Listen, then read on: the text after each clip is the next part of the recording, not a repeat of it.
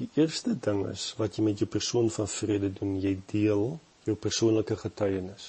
Dit is baie baie belangrik dat ons toegerus sal wees en altyd gereed sal wees om ons getuienis met ander mense te deel. Gelowiges of ongelowiges. Baie Christene deel nooit die evangelie met mense nie, maar meestal omdat hulle net nie weet hoe om dit te doen nie. En die mees kragtigste manier is om jou storie vir iemand te vertel. Moenie 'n sekere teologiese opinie of standpunt probeer deel met mense nie of 'n dogma of moenie jou programme of aksies of jou kerk aan iemand probeer bemark nie. Nee, as jy dit doen, dan is die kans baie groot dat jy jouself net in 'n argument gaan vasloop as jy dit op hierdie manier doen.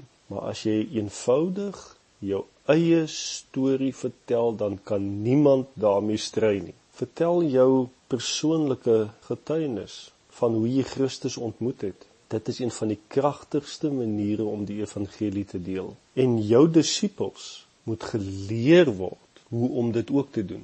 Baie belangrik. Jou disipel wat Christus ontdek het en hom aangeneem het, moet geleer word om onmiddellik uit te gaan en met ander te gaan deel hoe God sy of haar lewe verander het. Hoe hulle by Christus uitgekom het. Dit is baie belangrik. Jy sit nie iemand lank in 'n klaskamer gee daai persoon 'n klomp kennis nie. As iemand tot Jesus gekom het, dan gaan jy onmiddellik en deel jou storie. Baie gelowiges het nie die woorde of die taal om 'n klomp teologiese standpunte op die tafel te sit vir iemand anders nie, maar almal kan praat oor hulle eie ervaring wat met hulle gebeur het.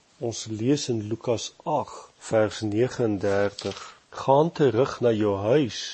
Jesus praat met die man wie hy bevry het van die demone, die besittende van Gadara. Hy sê vir hom: "Gaan terug na jou huis en vertel wat 'n groot dinge God aan jou gedoen het." En hy het gegaan en deur die hele stad verkondig wat 'n groot dinge Jesus aan hom gedoen het. En let net op, onmiddellik nadat Jesus hierdie man bevry het, onmiddellik toe hy van die demone ontslaas, stuur Jesus hom na sy dorp toe om sy getuienis te deel oral oor die wêreld waar die kerk vermenigvuldig en baie vinnig groei op hierdie stadium word nuwe gelowiges aangemoedig om hulle storie binne 24 uur te gaan deel. Binne 24 uur nadat hulle tot bekering gekom het. As jy dit nie dadelik doen nie is daar 'n groot moontlikheid dat jy dit nooit gaan doen nie. Daar is 'n storie oor hierdie hoenderren wat op 12 eiers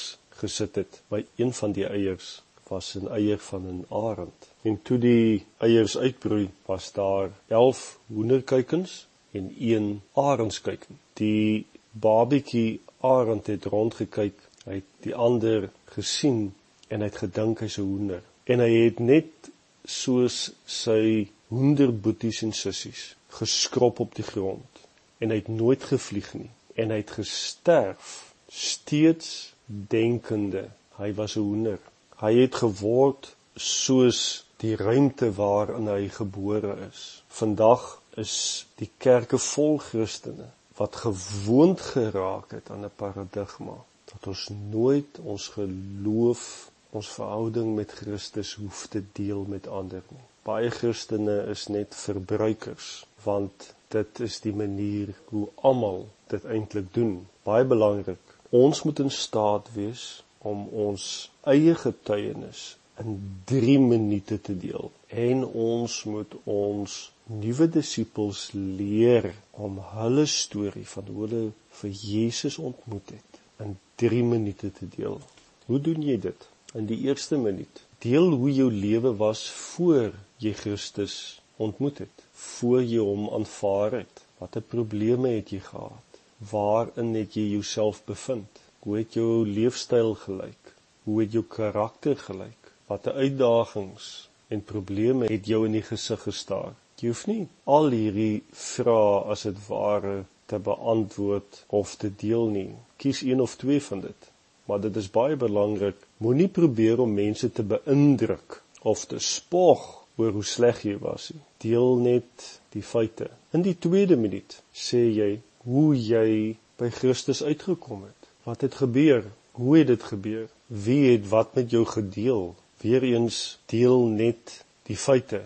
In die derde minuut, hoe is jou lewe nou? Nou dat jy aan Jesus Christus behoort. Wat het verander in jou lewe? Wat het God vir jou gedoen?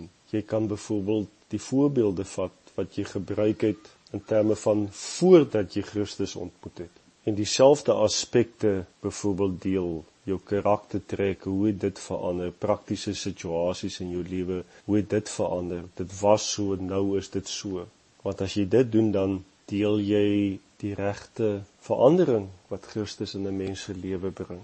Jy sien, dit is soos om 'n perd tot by die water te bring. Jy kan hom nie die water laat drink nie. Maar as jy die perd vooraf sout ingee, dan gaan hy van self drink. En dit is wat Jesus wil hê jy moet doen deur jou getuienis. Jy skep 'n ruimte waarin jy 'n uitnodiging plaas, 'n begeerte skep vir ander om hom te ontmoet. As jy jou storie gedeel het met iemand moet jy baie mooi onderskei of jy die persoon of persone met wie jy dit deel moet oproep om hulle harte vir die Here te gee. Miskien is dit nie die regte tyd nie. Miskien moet die verhouding tussen julle nog verder ontwikkel. Miskien moet die ongelowige meer geleentheid kry om die verandering wat Christus in jou lewe gebring het self te ervaar in jou lewe. Dit kan tyd neem, maar dit kan ook moontlik wees dat die Heilige Gees iemand die geleentheid wil gee om die koninkryk as dit ware nou in te stap. Jy gaan nie weet of iemand gereed is om Christus te ontvang as jy hom nie vra nie. En as hy wil, dan kan jy vir hom bid en help dat hy Christus Jesus aanneem.